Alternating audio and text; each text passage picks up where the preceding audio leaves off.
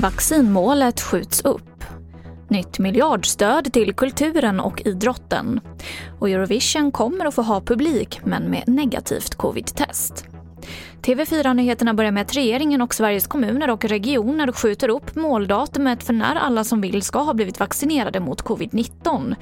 Nu är målet att alla över 18 år ska ha fått en första dos den 15 augusti. Vi hör socialminister Lena Hallengren.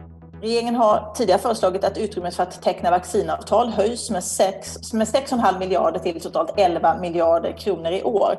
Problemet är att det inte finns några kända lager av godkända vaccin som är tillgängliga för inköp utöver de som vi redan har tecknat. Minns att forskarna tog fram fler vaccin på rekordtid, men företagen har inte förmått leverera fullt ut enligt avtal. Det gör att det inte finns tillräckligt mycket vaccin tillgängligt för att kunna följa den ursprungliga planen. Vi utgick från företagens leveransutfästelser i ingångna avtal, men de utfästelserna har man inte levererat på.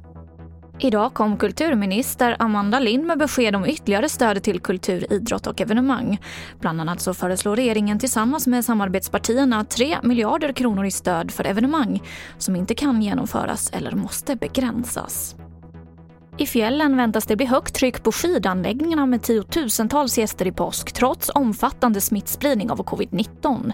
Trafikverket räknar med en jätteökning av påsktrafiken jämfört med förra året. På tv4.se så kan du se vart i landet köerna väntas bli som värst.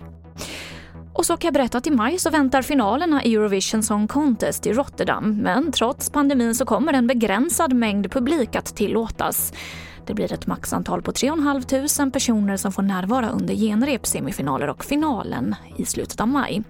Både deltagare och publik måste dock uppvisa ett negativt covid-test och endast personer som bor i Nederländerna släpps in i arenan. Och det var det senaste från TV4 Nyheterna. Jag heter Emily Olsson.